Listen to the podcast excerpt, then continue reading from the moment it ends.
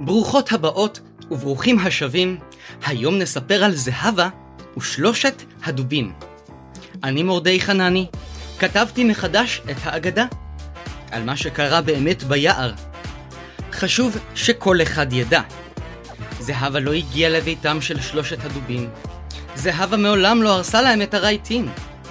זהבה הייתה ילדה כמו כל שאר הילדות. היא רצתה המון לייקים, שיירים והקלקות. מבוקר עד לילה היא נתנה את הלב, וספרה כל צפייה, תיוג ועוקב. למעשה, היא ביקשה חשיפה כדי להיות מוכרת.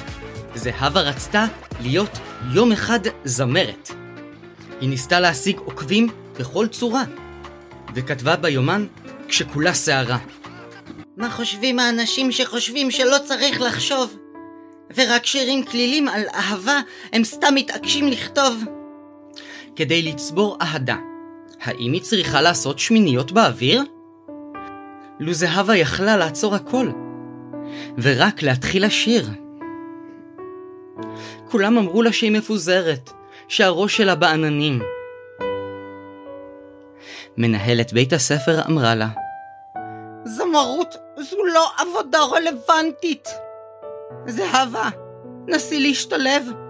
די להיות אסטרונאוטית. ומה קרה לאותה ילדה אשר דיברה עם כוכבים? באה היועצת ונתנה לה רטלין. ובינתיים ביבשת אחרת, בתוך יער רחב ידיים, אבא דוב הכין לתפארת עבור משפחתו ארוחת צהריים. הגיע הזמן לשוחח, ללעוס ולבלוע. הבן הדוב הציע, אולי נלך לבקר בקולנוע? אמא דובה סיפרה על יישומון חדש, שמוכר כרטיסים והוא די מבוקש. עם כרטיס אלקטרוני, הם לא יעמדו בשום תור. ומשפחת הדובים נכנסה אל ה App Store. הטלפונים עדכנו את כל הנתונים. הדובים אישרו את כל התנאים. ובתוך שלוש דקות, הכרטיסים כבר היו מוזמנים. אך, כמה שהדובים היו תמימים. כשהם הגיעו לבית הקולנוע, אמא דובה החליטה למנוע. הפרעות טלפוניות באמצע הסרט, היא לקחה את הניידים ושמרה בתיק למשמרת. הם ישבו ונהנו, ילד דוב, אמא דובה וגם האבא. וכעת נחזור לגיבורה שלנו, זהבה. באותו הזמן, זהבה כמעט ירדה מהפסים. אבל בעוד רגע, היא כבר תעבור למעשים. היא ניסתה להבין מה בוחרים האנשים שבוחרים תמיד את אותן בחירות. מרגישים מקוריים, ובפנים רוצים רק לרמות. זהבה כאמור לא הייתה אף פעם מסופקת, ולכן היא נכנסה לאפליקציה מפוקפקת. היא הייתה צריכה לספור עד חמש, וקיבלה הדלפה של סיסמה ושם משתמש. היא יכלה להיכנס לחשבונות מכל רשת חברתית, לעשות לעצמה המון לייקים, ולהפוך מיד ללהיט. היא נכנסה למשתמש של הילד הדוב. קצת תנועה לא תזיק לו. ומיד אחרי עצמה החלה לעקוב ולעשות שיירים מהטיק טוק. לאמא דובה, זהבה פרצה אל האינסטגרם. מיד הקפיצה תגובה על תמונה של מנת סופלה מוקרם. היא פרצה לפייסבוק של הדוב האב, ולדף האישי שלה היא הזמינה את כל חבריו. המסך הראשי של זהבה היה מלא בצבעים רועשים.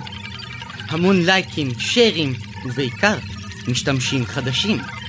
על פניה של זהבה חיוך מאוזן לאוזן פשט, והיא הייתה ממש זוהרת. ובינתיים משפחת הדובים סיימה לצפות בסרט. הם כולם פתחו את המכשירים הניידים, גילו מה קרה והחלו רועדים.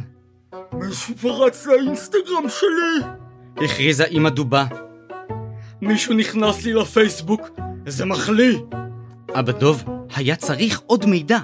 יש! קיבלתי בטיקטוק המון עוקבים! אמר הבן, אבל זה לא הספיק למשפחת הדובים. אותה משפחה לא אמרה נואשת, ומיד פנתה לספק של הרשת. בלי שום טענות, שנו את כל הסיסמאות. בעצם, את כל המנויים שלכם רצוי להקפיא, ואני אבצע את בדיקת ה-IP. הוא נתן לתוכנה שתי פקודות מפורשות, והיא החלה לסרוק את חמש היבשות. מבנקוק לברזיל, משיקגו לכפר סבא. וכך נמצאה מי שביצעה את התרגיל, החברה שלנו, זהבה.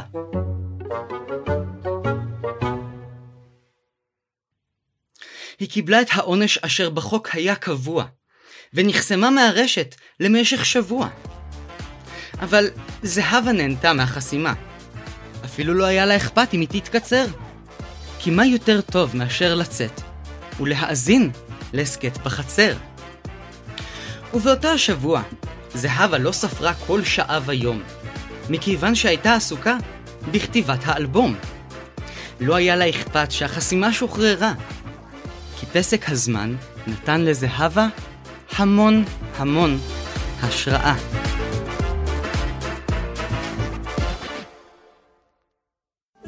תודה שהאזנתם לפרק.